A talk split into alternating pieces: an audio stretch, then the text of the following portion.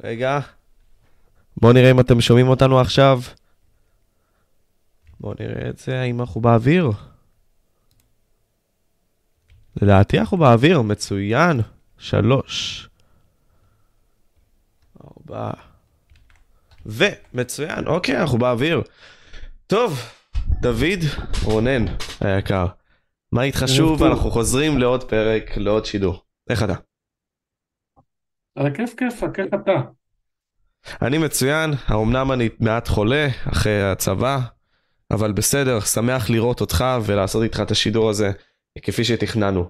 תשמע, קודם כל אתה עדכנת אותי, ועוד לפני השידור הראשון שלנו ששלחת, ששלחתי לך את ההודעה, אמרת לי, תשמע משה, אני עוסק עכשיו בדוקומנט, אה, בדוקו סביב יצחק רבין, ואמרתי, מה, באמת? אתה אמרת לי, כן. עכשיו, מה באמת דחף אותך להיכנס לכל הנושא הזה של רצח רבין? אמ, זה התחיל בזה שאני גרתי בארלוזורוב פינת אבן גבירול, ובלילה של ה... בערב של הרצח הייתי ממש במרחק של מטרים ספורים משם, וראינו ושמענו את כל ההמולה, וחשבתי שכמו שזה תואר בתקשורת, מה שנקרא, ככה זה באמת במציאות. ואז התחילו לבוא אליי אנשים מאוד רציניים, שכמובן לעולם אני לא אחשוף אותם, והתחילו לספר לי סיפורים שנראו לי מופרכים ולא מתאימים לאנשים האלה. מה פתאום אנשים כאלה רציניים מתחילים להתעס... לעסוק בסוג כזה של קונספירציות? יש רוצח, תפסו אותו, יש נשק, יש כדורים, יש צילום מהגג של גן העיר, ותיק סגור לכאורה. ואז התחלתי לעשות את הדבר שאני עושה אותה באמת כעיתונאי.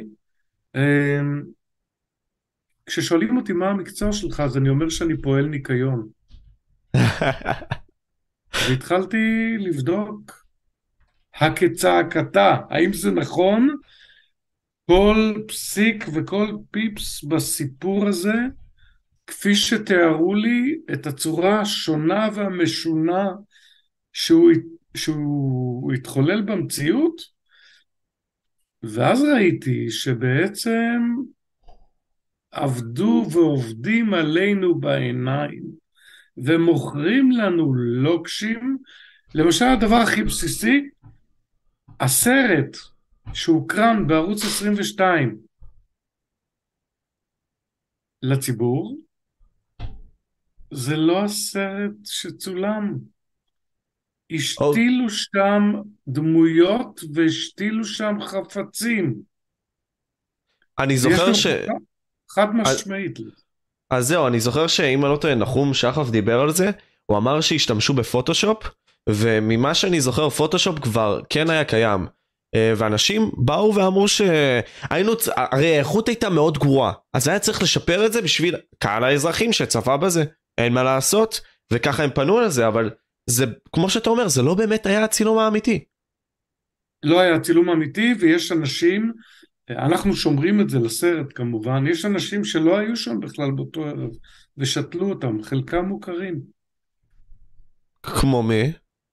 אני לא יכול להגיד כדי שיוכלו לישון הלילה בשקט על המיטה שלהם. וואו, אוקיי.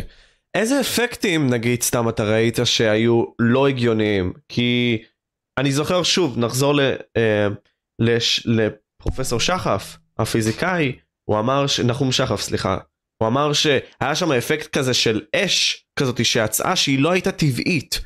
נכון, בירי עצמה. זה, היה, זה לא הייתה אש כמו שיוצאת מקנה שיורה כדורים אמיתיים, זה היה רשף של uh, כדורי סרק. וואו, אוקיי. בוא, בוא נפרק את זה לאט לאט, אוקיי? אני מאמין, וגם זה לפי המחקרים מראים, ש-20% מאזרחי ישראל מאמינים שהשב"כ היה מעורב. עכשיו, לפי דעתך, דוד רונן, עד כמה הם היו מעורבים? ואם בכלל? אני לא עוסק בשאלה עד כמה הם היו מעורבים בכל מה שהשתנה לעומת המציאות, אלא אני אענה לך בעדינות ובזהירות רבה על פרט אחד שעכשיו בימים האחרונים הוא היה מאוד אה, רלוונטי לחדשות, שהסמוטריץ' הזה יצא פתאום בהכרזה כוללנית של השב"כ, הייתה מעורבות ברצח של רבין זיכרונו לברכה. אה, ואז התחילה צעקה גדולה, אבל אנשים שוכחים דבר מאוד בסיסי, עובדת חיים. מי שהפעיל, אירח בביתו עשרות, עשרות רבות של פעמים את יגאל עמיר, בבית שלו, מי, ש, מי שעשה טישים, ארוחות של יום שישי, סעודות, מי שהסתובב בקרב מפגינים ימניים ועודד אותם לזרוק ולשבור חפצים ומכוניות ופנסים של מכוניות פלסטיניות, היה סוכן רשום של שירות הביטחון הכללי, שהכינוי שלו היה שמפניה. והשם שלו הוא אבישי רביב. הוא לא היה מישהו מהצד. זה מישהו שהוא סוכן רשמי, רשום, של שירות הביטחון הכללי, שהבוס שלו הוא ראש הממשלה בכבודו ובעצמו. זאת אומרת, שרק לצורך העניין, ולו היה מקרה תיאורטי שבו אותה שמפניה, סוכן, ניסה בדרך כזו או אחרת לדבר אל ליבו של מישהו לעשות מעשה לא נכון, נורא ואיום, אז זה מספיק בכדי לסגור את הפינה הזאת ולומר, כן, כן הייתה מעורבות של אה, פיגורה רצינית מתוך הארגון לעשות משהו שישפיע על אדם אחד או שניים שיפעלו בצורה כזו או אחרת שזה ייגמר באסון. אוקיי, okay, אז פה אתה אומר לי, בוא, בוא ננסה להסתכל על זה בצורה יותר אופטימית, אתה אומר לי שהשב"כ כן הבין וראה שיגאל עמיר יכול להיות פוטנציאלי כאחד שיכול לפגוע בראש הממשלה. ו... אמרו את זה, ראש השב"כ בעצמו קיבל הודעה שיש הערכה שאם מישהו יפגע בראש הממשלה זה, תימ... זה תימני קטן ודתי. אוקיי, okay, okay? אבל הכוונה שלי האם ציפתו את שמפניה אליו בכוונה בכדי למנוע את הדבר הזה מלקרות או ששמפניה יהיה מספיק חבר טוב שלו בכדי שיגאל עמיר אולי ישתף אותו בתוכניות הללו? אמ, שאלה מסוכנת ותשובה מסוכנת. שאלה מסוכנת ותשובה מסוכנת, הבנתי. אמ, אוקיי, בוא ננסה להתרכז בכמה מימדים, ננסה כמה שיותר, כמה שאתה יכול לדבר עליהם. אוקיי, מבחינת הזמן. הזמן ממה שהרבה מאוד מתארים, וגם ממה שאני זוכר שראיתי אה, מעדויות כאלה ואחרות, גם מתמונות שהיו בשטח באותו יום, אה, יגאל עמיר אמר שהזמן המשוער היה תשע וחצי, כאשר הוא רצח את, אה, לכאורה את ראש הממשלה יצחק רבין, אה, ובנוסף הייתה עוד תמונה שלכאורה הראתה שהשעה בערך הייתה תשע וחצי, כאשר שוטר בא והחזיק את יגאל עמיר. זה לפחות מה שאחד הפרופסורים שדיברו על הנושא הזה באו והציגו, אני לא זוכר את שמו כרגע. מה אתה חושב בנוגע לעניין הזמן? גם לא הייתה אחידות. כמו שהסרט שונה, הזמנים שונו. תסביר. הודיעו על, אה, על הרצח של רבין בשעה מסוימת, אני בכוונה נזהר מאוד. כי חלק מהתשובות שאתה תקבל מבוססות על אנשים שנגדיר אותם יודעי דבר, אוקיי? הזמן שזה דווח הוא לא הזמן שהדברים בוצעו, הזמן שאמרו שבו קרה כך וכך לראש הממשלה המנוח, הוא לא הזמן שהוא הגיע באמת לבית החולים. זאת אומרת, תיארו גם מצב שבו הוא נפגע במקומות מסוימים, אבל הוא נפגע במקומות אחרים לגמרי. תזכור לשאול אותי, איפה הוא נפגע בגוף? מה אומרים הדוחות הפתולוגיים? תשאל אותי את זה כי זה קריטי. אוקיי. זה קריפי, זה קריפי וזה קריטי. זה קריפי וזה קריטי. עכשיו, אתה אומר לי, תקשיב, בנוגע לזמן, ואני אתעקש טיפה להמשיך על זה, מקסימום נזלוג על זה. Uh, כלומר, אם אנחנו נזרוק, נזלוג עם אותן תיאוריות קונספירציה, הן אומרות, אוקיי, בתשע וחצי. לכאורה. לכאורה. לכאורה. רבין, כן, רבין נהרג, לכאורה, בתשע וחצי, ועברו... נרצח. נרצח, סליחה, ועברו כ-22 דקות עד ההגעה לבית החולים לכאורה.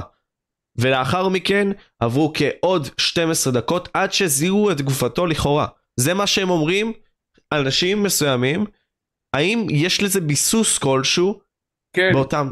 אוקיי. כן. אה, בוא נתחיל עם העובדה הכי בסיסית. אתה, היכן אתה גר? באיזו עיר? אני גר באשקלון. באשקלון, אין דבר. אה, מה שאני רוצה לומר זה שבהכירך את תל אביב ואת האזור של אה, כיכר רבין דהיום, כיכר מלכי ישראל באותו לילה נורא, אז אם נפגע ראש הממשלה מהכיכר, היו אמורים לפנות אותו בקו ישר לבית חולים איכילוב.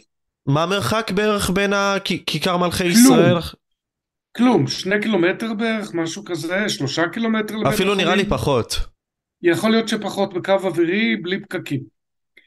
אה, אבל קרה דבר מדהים, במקום לנסוע ישירות לבית החולים, הרכב עשה סיבוב פרסה ברחוב אבן גבירול, ונסע צפונה עד למפגש הרחובות אבן גבירול ארלוזורוב.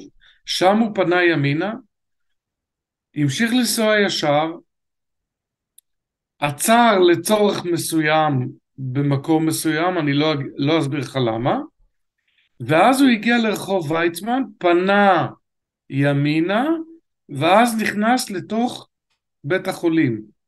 באותו הזמן, לאור הצעקות של מי שצעק סרק סרק סרק, שנגיע אליו גם כי אני מצאתי אותו, אז כן, מה שאתה שומע, וואו, אוקיי. אז אה, ש- לאה רבין שאלה מה קרה ליצחק?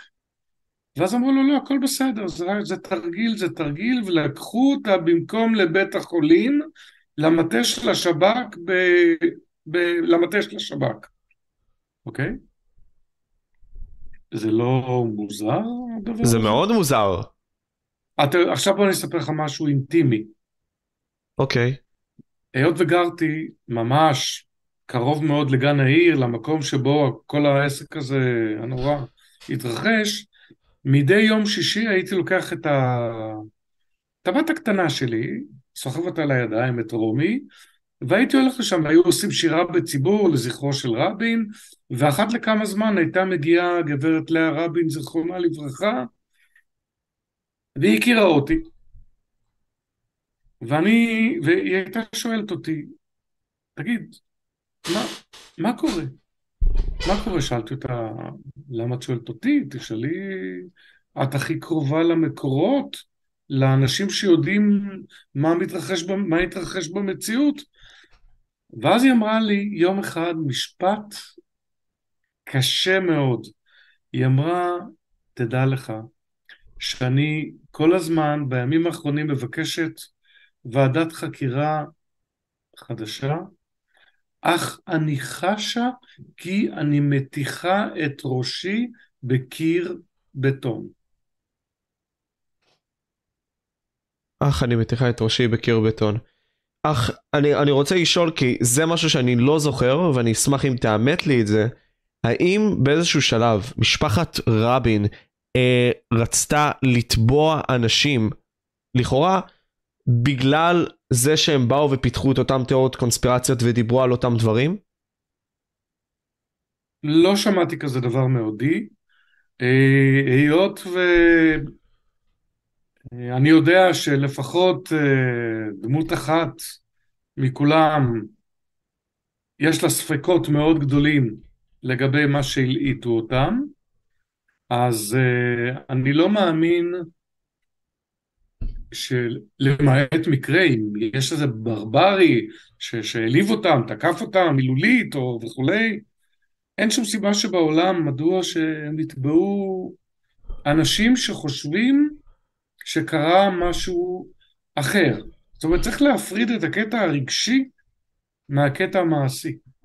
כי אני אסביר לך מה, אני זוכר שהנה, עכשיו וידאתי את זה. אה, וזה משהו שפשוט ראיתי לפני, היום בבוקר כשהתכוננתי על הרעיון עצמו, אה, זה היה בריאיון עם אה, נחום שחף לפני כשלוש שנים, ודליה רבין בטענה מסוימת אמרה, אחרי משהו שנחום שחף ניסה להילחם עליו, בפרשת רצח רבין, היא אמרה דברים בסגנון של לכאורה שקר ממוחזר, והיא לא ביקשה ממר שחף שום בקשה. כלומר, אפילו שהמשפחה עצמה, אני לא, לא יודע אם מדובר פה ספציפית בתביעה, אך שוב, הם, הם כבר לא רצו להתעסק בנושא הזה יותר, באיזשהו שלב. נכון, זה לא היה מחזיר אותו, אבל, אבל, אה, אני בטוח שבלב לפחות דמות אחת מכולם, מנקר הספק,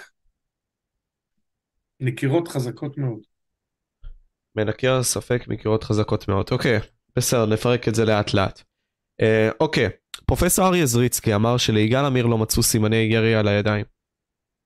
מה אתה אומר? אמ, אנחנו נגיע עוד מעט לנושא של המרחק של הירי. שם יש סימנים על הידיים של uh,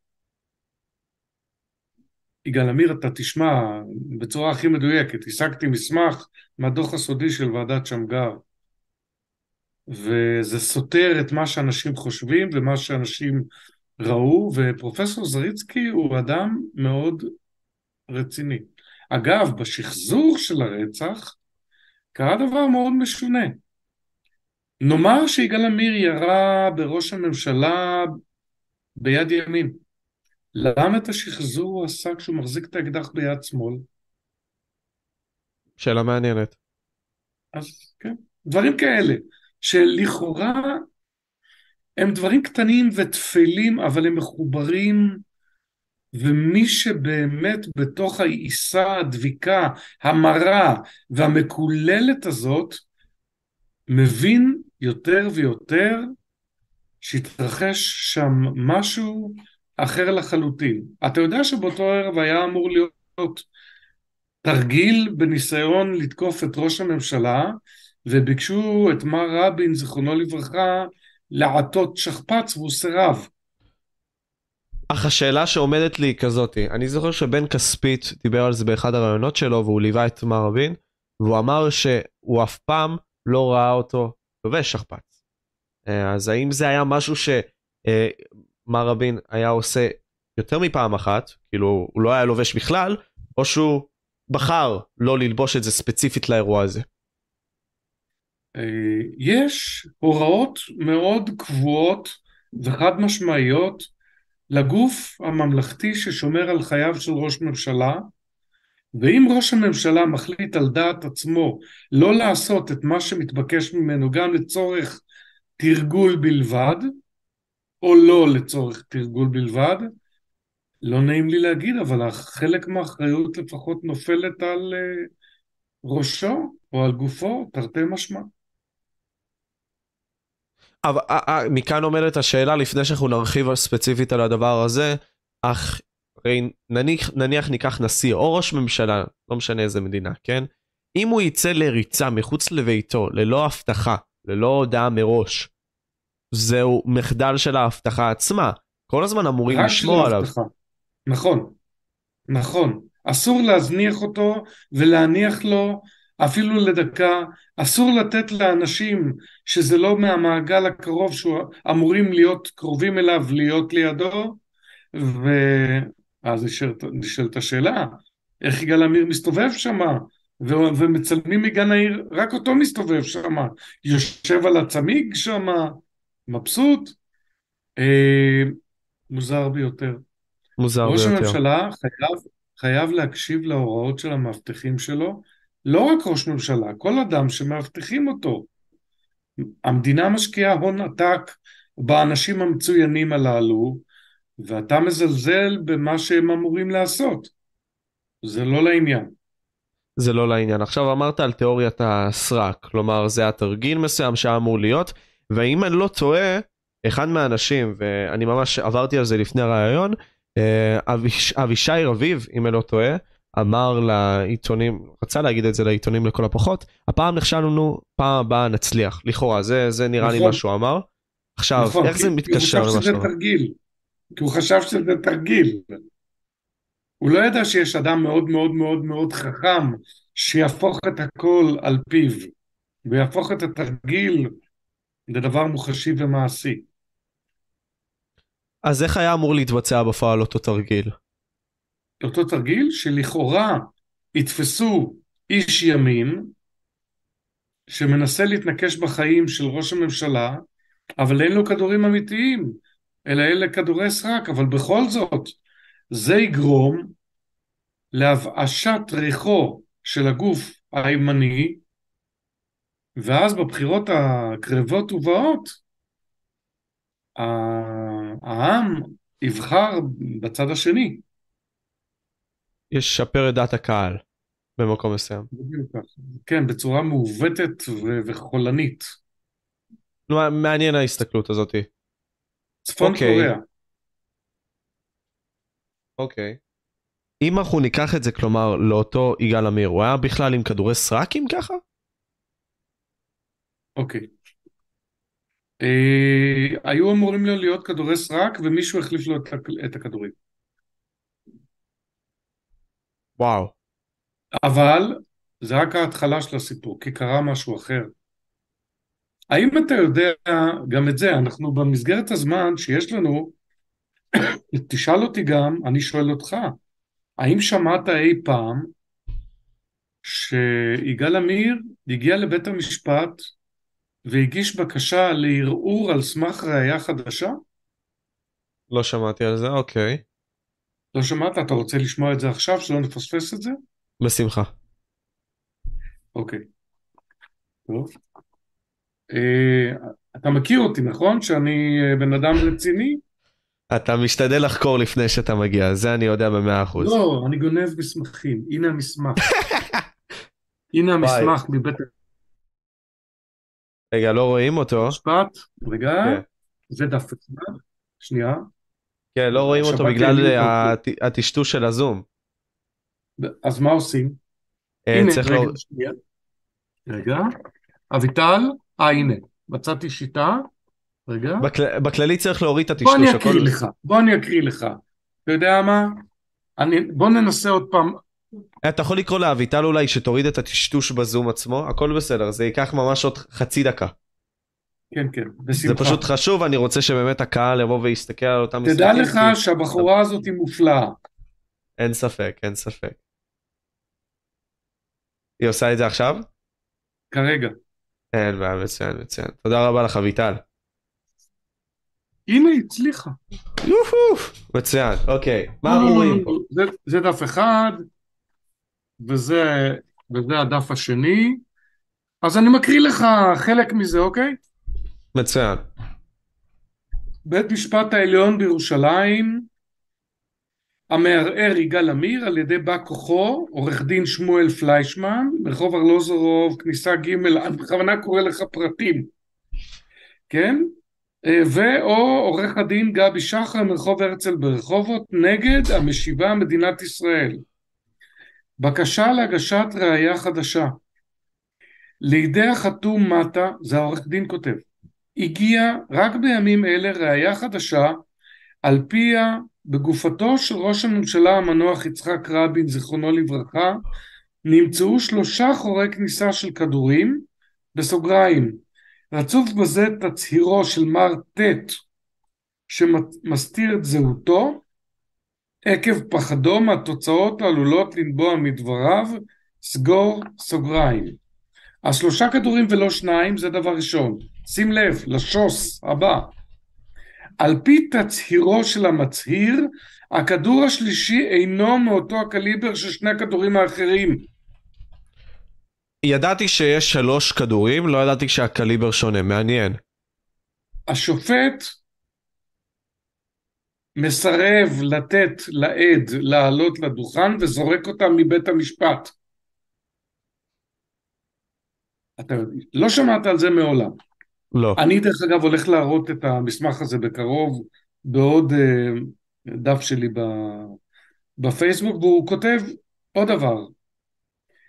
בנוסף נאמר לי שהייתה גופה נוספת של מאבטח, וכשלא האמנתי, הוא אמר לי שעל פי התלבושת וסימנים אחרים בטוח שמדובר במאבטח מהאירוע הזה, ולא בגופה מאירוע אחר, ושלא מפרסמים את הכל בסיפור הזה. ויש פה עוד פרטים שהם עלולים להסגיר את, ה... את מי שעשה את העניינים האלה. דרך אגב, אתה יודע שמינו צוות חקירה מיוחד, מה שנקרא צח"ם, כן?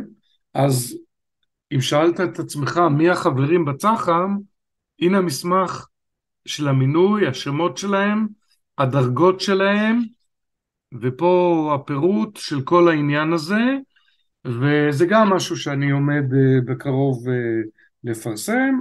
פה הכותרת, כן, זה, זה צח"ם, אה, ראש הממשלה, רבין, רצח ראש הממשלה רבין ז"ל וכולי וכולי, וכתוב בתאריך 4 ב-11 במוצאי שבת בכיכר מלכי ישראל, נרצח ראש הממשלה רבין, זיכרונו לברכה, על ידי מתנקש בשם יגאל עמיר, בעת שראש הממשלה ירד מבינה, מבימת עצרת השלום והוא פסע לעבר מכוניתו.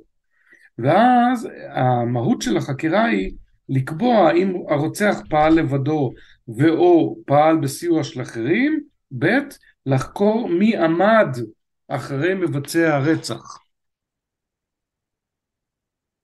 וואו. Okay. בוא, אוקיי. בוא נפרק את זה טיפה, אוקיי? אתה אמרת לי, תקשיב, יש, בוא, יש את השלושה חורים. איפה השלושה חורים האלה אה, נמצאים בכללי? יפה. אה, כשיורים בבן אדם, במיוחד כשהורגים אותו, אז יש, יש אדם בבית חולים שתפקידו לעשות אה, פתולוגיה. לתת תצהיר לגבי איפה פגע הסכין, איפה פגע הכדור, איפה פגע החפץ הכבד באותו אדם, לכל צורך ועניין, במיוחד בנושא הזה של ראש ממשלה ש... שפגעו בו. ומי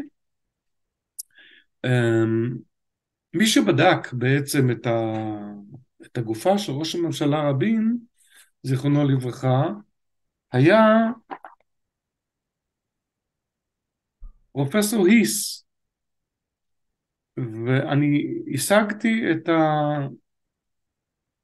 את הדוח שלו, ואני אקריא לך כמה מילים מאוד חשובות שהוא כותב. חוות דעת מומחה, בחוליות עמוד השדרה גבי ומותני אין שברים. למה חשוב היה לציין שאין שברים? תחזור על מה שאמרתי עכשיו. אני לא סתם מטרטר אותך. בוא, בוא, בוא נקרא ביחד. Okay. אוקיי. בחוליות עמוד השדרה גבי ומותני אין שברים, זאת אומרת אין שברים בחוליות. אבל למה חשוב okay. אוקיי? להצהיר את זה? למה חשוב לכתוב את זה שאין שברים? תשאל אותו, את פרופסור היס. אבל מסתבר שאת הגופה בדק עוד פרופסור. זה עשיתי מעשה מכוער וגנבתי את זה מהגנזך של הבית חולים. יש פה את הפתק עם הברקוד של רבין זיכרונו לברכה, אוקיי? זה פתולוג אחר ששמו דוקטור גוטמן.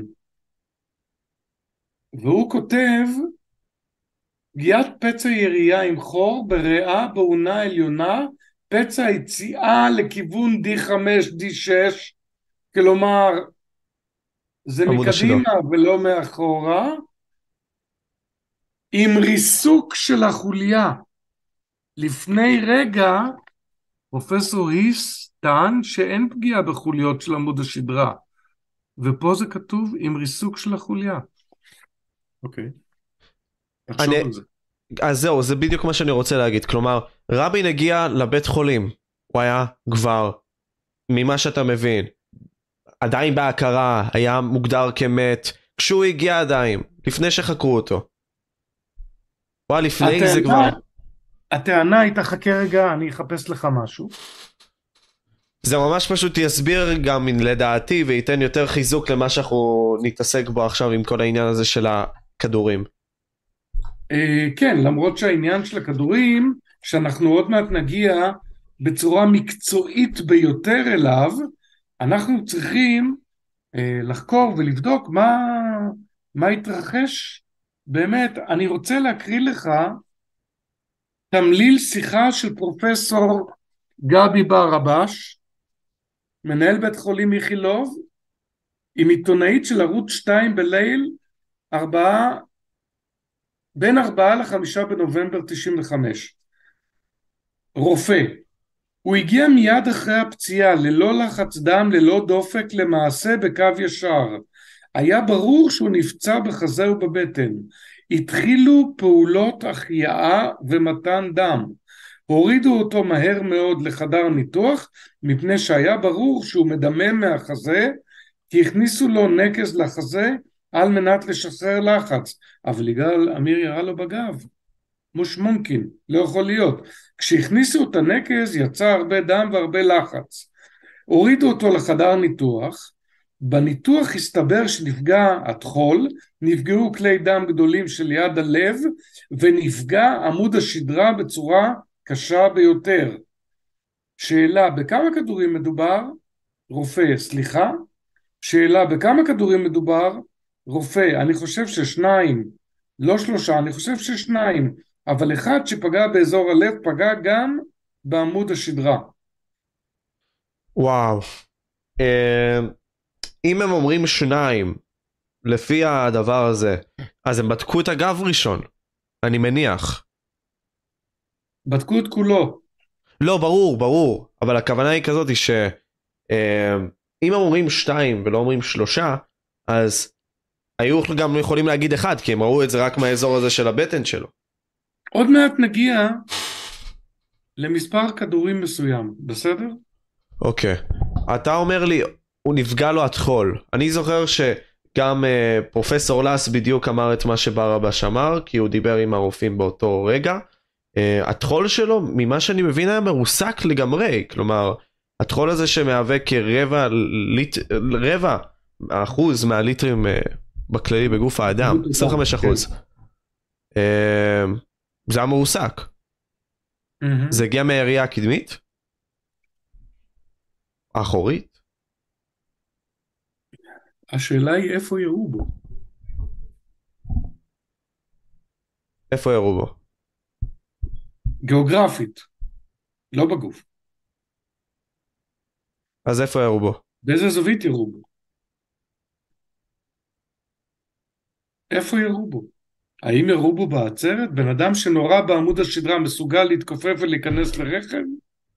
לא, כי הרי אם יורדים לך בעמוד שדרה, לדעתי, לכל הפחות, יכול להיות שאני טועה, אתה פשוט מתקפל, אתה נעשה נכה. אתה לא מצליח לעמוד על הרגליים יותר. נכון. אני מניח. נכון. אז איך זה שהוא נכנס לרכב? שאלה מעניינת. שאלה מעניינת. Uh, טוב, נמשיך, תוך כדי. אז יש את הטחול המרוטש הזה שהוא ללא דם. Uh, מי טיפל בו כשהוא נכנס בעצם? כלומר, אוקיי, לפני זה. אמרנו ב-52 הוא הגיע לבית חולים עצמו, ולקח כלכאורה 12 דקות עד ששמו לו את המדבקה שזיהו אותו. למה לקח לכאורה כל כך הרבה זמן לזהות אותו? כי קרה משהו בין זה לבין זה. אה... ואני אענה לך במשפט מאוד אה, זהיר, השאלה היא מה גרם למותו ואיפה. השאלה היא מה גרם למותו ואיפה. זרקו את השם של אחד הסוכנים, יוד רייש. הוא okay. אוקיי. אחד שקשור לזה? אני זוכר ש... לא uh, יוד רייש, יוד קוף. יוד קוף? למה יוד קוף? הרי דיברנו על uh, לפחות לא זה מה שדוקטור קידר אמר הוא דיבר על רובין ממה שאני מבין. זה היה מאבטח שלו. נכון. שאמרו שהוא ירה בו ככה ככה יש עדויות של אנשים שגם אמרו את זה. יפה ואיפה הוא ירה בו? באזור קדמי. ככה לא, אומרים. איפה הוא ירה בו? באיזה מקום גיאוגרפי? לפי אני לא השמועות. זוכר. אני לא זוכר, את זה אני דווקא לא זוכר. אוקיי, אוקיי. בוא נענה לך על זה בצורה זהירה, דרך העניין של הקריאות סרק, סרק, סרק. אוקיי? אוקיי. יש עדויות של יותר מחמישה אנשים ששמעו את הקול של הנשק, ואז מישהו צועק סרק, סרק, סרק. אמ, אמרו לי מי זה הבן אדם הזה. ואז אמרתי זה לא יכול להיות. אני הלכתי והשגתי צילום שלו. ואז הלכתי והשגתי צילום ממקור אחר בתוך העצרת לוודא איפה הוא היה כל הזמן הזה. הלכתי למישהו שיש לו מחשב מאוד משוכלל שיכול לעשות השוואה של פנים ובדרגת דיוק של 99.9999 אחוז זה היה אותו בן אדם.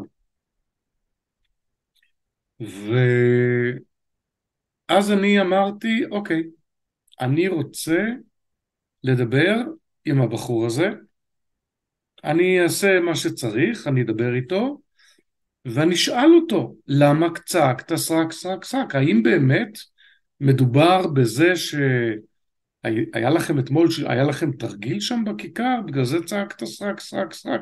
כי ידעת שזה סרק סרק סרק, ובגלל זה אבישי רביב לכאורה אמר שהפעם זה לא הצליח לנו אבל נצליח בפעם הבאה, כך הוא ניחם את אנשי הימין, כי הוא חשב שזה באמת סרק סרק סרק. לכאורה, כן. נכון? הכל לכאורה. ואמרתי אוקיי אני אלך לדבר איתו. ו... ובאמת אה, עשיתי מאמץ מאוד גדול ומצאתי אותו. הבעיה הייתה שכשמצאתי אותו, כמה ימים אחרי הרצח של רבין, זיכרונו, זיכרונו לברכה, הבחור הזה בעצמו מת. ויצאה הודעה שהוא התאבד, ולפני שהוא התאבד הוא אמר אני לא יכול לשמור על השקר הזה.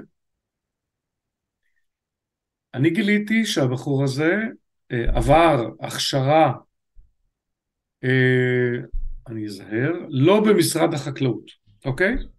בש... עבר הכשרה מסוימת במקום מסוים, והצלחתי בעזרתו של חבר רב גדול גדול גדול כי לא הצלחתי לבד, הצלחתי לגלות איפה הבחור קבור. אמ, ואז אני נעזרתי בחבר טוב שכתב איתי במעריב באותם הימים, בועז גאון שמו, אחד העיתונאים הכי טובים שהיו פה, ועם אה, טייפים דבוקים מתחת למכנסיים, מכשירי הקלטה, הלכנו לאנשים שרחצו על פי המסורת היהודית את הגופה שלו, של הבחור. אמרתי להם שלום, אמרו לי שלום, במה אפשר לעזור לך? אז אמרתי שאני רוצה לשאול איך החבר בשם י' ק', איך הוא, אה, איך הוא איך הוא התאבד? ואז הם הסתכלו אחד לשני ואמרו, אתה באת לפה בקשר לרצח של רבין, נכון? אמרתי, נכון, אני לא אסתיר את זה מכם. ואז הם אמרו, הוא לא התאבד בשום פנים ואופן. לא יכול להיות שבן אדם יתאבד ככה. שאלתי אותם, למה? אז הם אמרו שהיו בבטן שלו, שהייתה פתוחה לגמרי, שבעה חורי כניסה של קליעים, הוציאו לו את כל האיברים הפנימיים בכדי לא לגלות אפילו שביב אחד של נחושת או של חומר שקשור לתרמיל או סליחה לקליע, שלא יהיה ניתן לזהות את זה. ואז ביקשתי מהם שיקחו אותי למצבה שלו. זה היה באמצע היום בצהריים, ו... הלכתי עם ואנד, עם הצלם של מעריב, הלכנו למצבה, אבל אי אפשר היה לצלם מפני ששיש לבן ושטוח, כשהשמש קופחת מעל, זה עושה החזרים ואי אפשר לצלם, אז עשיתי דבר מאוד מכוער, אלוהים יסלח לי, לקחתי חול ושמתי בשקעים של האותיות של השם שלו, וככה צילמתי את זה. וואו. ואז עשיתי פו פו פו, הוצאתי את כל החול, ניקיתי את זה, נתתי כבוד. למחרת הלכתי ללשכת ביטוח לאומי באחד המקומות, ורציתי לבקש משהו שנקרא תעודת מוות, לא תעודת פטירה. תן לי רגע לראות. קוראים לזה גם, זה שילוב של תעודת פטירה עם תעודת מוות, וצריכה להיות כתובה סיבת המוות. והתחנפתי שם לפקידים ואמרתי להם שלום, אני קרוב משפחה של אה, י' ק' ואני, אה, המשפחה שלחה אותי באבלה וביגונה העמוק להוציא את התעודת פטירה שלו. ואז שאלו אותי, אתה יודע את מספר תעודת הזהות שלו? אמרתי בוודאי, ונתתי להם את המספר תעודת זהות שלו. ואז בכלל מבלי לחקור אותי, בלי לשאול שום דבר, נתנו לי את התעודה, רגע, אני אסתיר את השם שלו, איך אני אעשה את זה רגע, ככה. הנה התעודת פטירה שלו, אני אקריא לך, אני אקריא לך את סיבת, את סיבת המוות, בסדר? כן. אתה רואה שכתוב סיבת הפטירה, אתה מסוגל לקרוא את זה, או שזה הפוך? לא, לא, רואים את זה בסדר. סיבת הפטירה, אין, אין סיבת פטירה משום מה. יפה מצדך. לא יודע, היה רווח כזה. נכון, אין דבר. סיבת מוות, וואו. אוקיי? רצינו לראיין את המשפחה שלו, אבא שלו איש מערכת הביטחון, קברו את הבחור בלילה, סגרו את הבית עלמין, אף אחד אין יוצא ואין בא. Uh, המשפחה ביקשה לא לפרסם את שמו למרות שכבר השם שלו מתחיל לרוץ. אני אישית כיבדתי מה שגם בועז כיבד את הבקשה של המשפחה לא לפרסם את שמו אבל יש לי את כל הפרטים שלו, אני, אני לא רוצה אפילו להראות את זה וקרה שם משהו מזעזע משהו מזעזע ממש, הוא לא התאבד. אף אחד לא מתאבד עם שבע יריות בבטן. ירייה אחת בראש מספיקה בהחלט, או בפה. אמת. סליחה על הוולגריות. אין מה לעשות, בנושאים כאלה של אפילו לנסות להבין צד אחר, עדשה אחרת, לפעמים צריך להיכנס למקומות הכי מלוכלכים. נכון. אז אתה אומר לי, תקשיב, יש את י"ק שנמצא בלי סיבת מוות כלשהי שמעניין לשמוע את זה. נחזור ליגאל עמיר, אה, כלומר אתה אומר לי תקשיב, כמו שלפני השידור אפילו אתה אומר לי, יש פה משהו גדול. המרחק שבו יגאל עמיר שמר בין בינו לבין יצחק רבין. אתה אומר, רצית להגיד משהו חשוב, מה רצית להגיד? אני, אני שואל אותך עכשיו, היום בשביל להבטיח את עצמי, אני עומד מול קהל של אלף איש בהרצאות שלי, שואל אותם, על פי הסרט של, של קמפלר מהגג של גן העיר, שרואים בפירוש את המרחק, מה המרחק בין יגאל עמיר לבין רבין זיכרונו לברכה כשהוא יורה בו? מה אתה אני, אומר? זה היה, מרחק, היה מרחק לא קטן. היה, הייתי אומר מטר או מטר וקצת, שתי מטר. משהו. בסגנון הזה. יפה, אתה אומר באמת את הממוצע, מפני שהתשובות אה, הן בין מטר, מטר וחצי לבין ארבעה מטרים. אז הממוצע נניח שני מטר, אוקיי? נניח. בסדר? בין התשובות של כולם. כי כולם רואים את הסרטון הזה. אה, אני עשיתי דבר לא יפה והשגתי את החלק, אה, השגתי חלק מהמסמך של ועדת שמגר, שכונסה לצורך העניין. דרך אגב, מי שהייתה המזכירה של ועדת שמגר הייתה קרובת משפחה מאוד מאוד קרובה למר גילון, ראש השב"כ. האם ידעת? האמת שלא ידעתי. אז הנה עוד דבר שאני אומר לך היום. מעשיר אותי. אה, תמיד אני מעשיר אותך, או בעניינים של שמיים או בעניינים של ארץ. אוקיי, אה, הנה ה- המסמכים שאני אקריא לך לפני שאנחנו נפרדים. אם אתה טועה מה שכתוב פה, בעט זה מספור של הדפים, וכתוב רכוש דוד רונן, הל"מ, כמו הלם, כן? אתה יודע מה זה הלם? לא, אני לא יודע מה זה הלם. זה גוף שנקרא הרשות לחקר מוזרויות. אוקיי. טוב. מי שנותן את העדות בבית המש... לוועדת החקירה, תקרא? אתה יכול לקרוא? ברוך גולדשטיין. לא גולדשטיין, גלדשטיין. חס וחלילה גולדשטיין. אה, גולדשטיין זה הרוצח. הרוצח, כן, כן, המתווך. המתועב. כן. אז ברוך אוקיי. גלדשטיין. ברוך גלדשטיין. אני מקריא לך, בסדר? אוקיי. עד תביעה, רב פקד ברוך גלדשטיין, מוזהר כחוק, ישיב בחוות דעת. עכשיו הוא מדבר. אני משרת במחלקה לזיהוי פלילי, מעבדת סימנים וחומרים.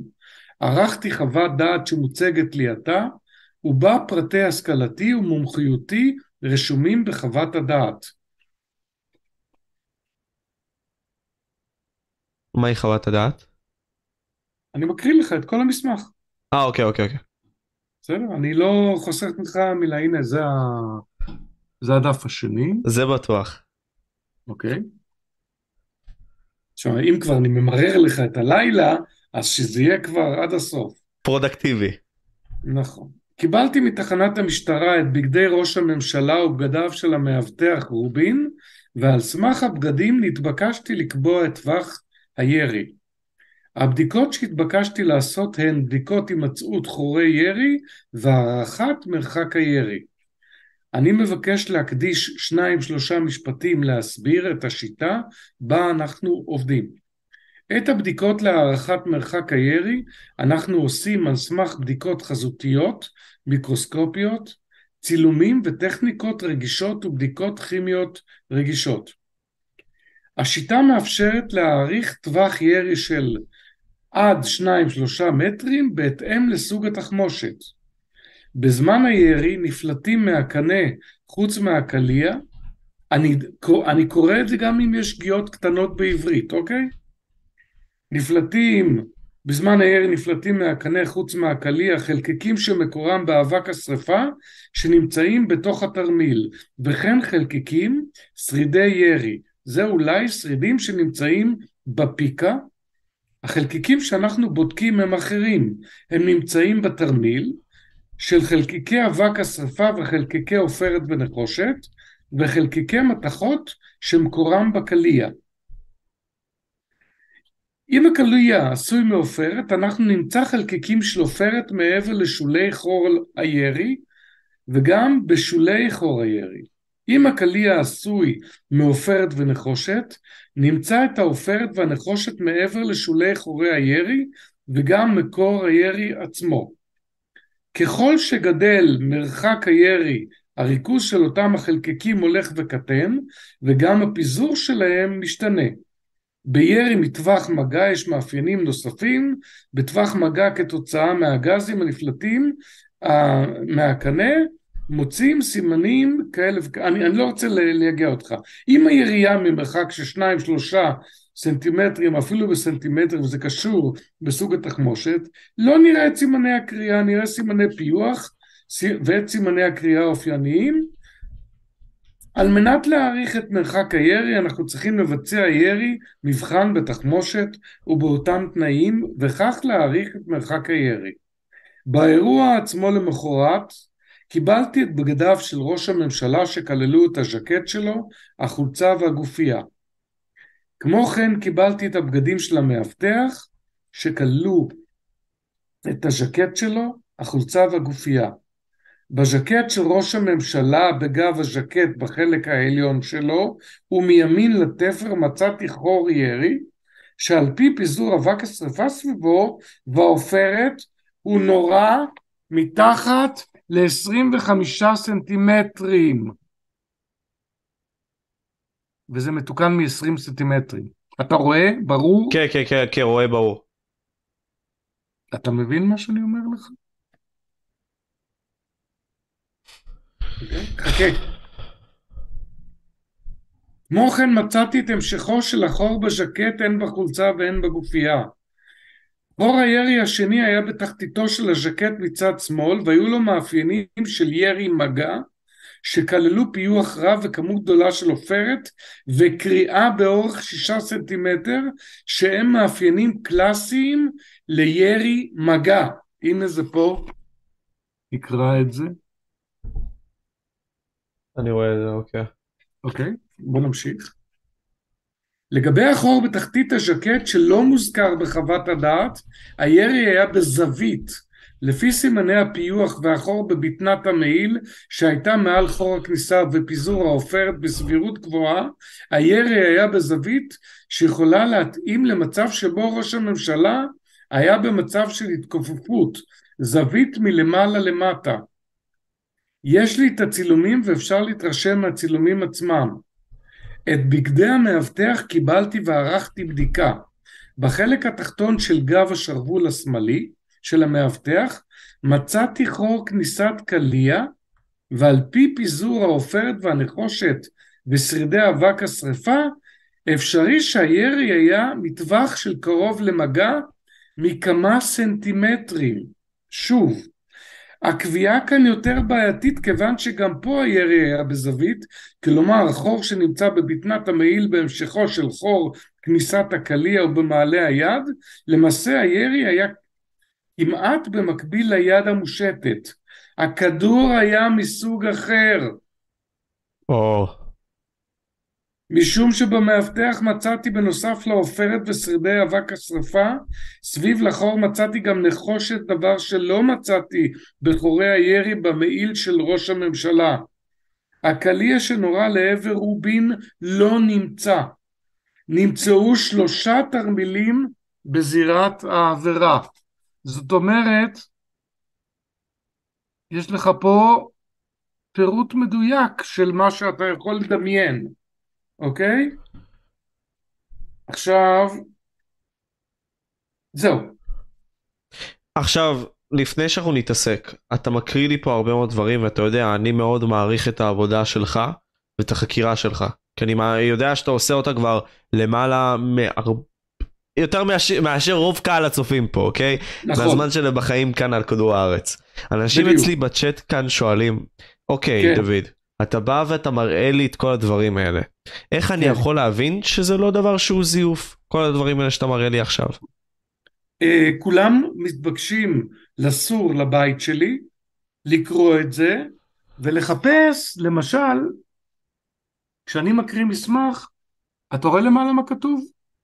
אמת. את הפרטים של המסמך? שיבקשו okay. אוקיי. את הדוח של ועדת שמגר. כשאני הקראתי את ה... רגע, נסתיר את השם שלו. ואת התעודת זהות גם, לא? כן, שיחפשו. אה, שישאלו את פרופסור ברבש. כשאני מקריא את המסמך של בית המשפט העליון, כן, שיגאל עמיר הגיש בקשה לערעור. חכה רגע. הכל בסדר. יש פה יש פה את השמות, את השם של התיק, יש פה הכל בצורה הכי ברורה. שילכו לארכיון ויחפשו את התיק הזה, אולי יצליחו גם לגנוב כמוני. אוקיי? כן. אז הגענו לנקודה הזאת שבה אמרת, יש פה קלוע, אה, קליע עם קליבר אחר. נכון. מה זה בעצם אומר?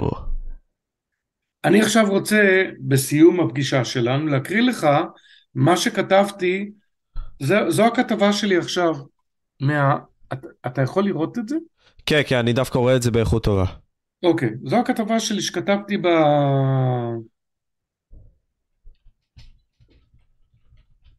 שכתבתי. בעיתון שלי בישראל ניוז. אני רוצה להקריא לך את השורות האחרונות. בסדר?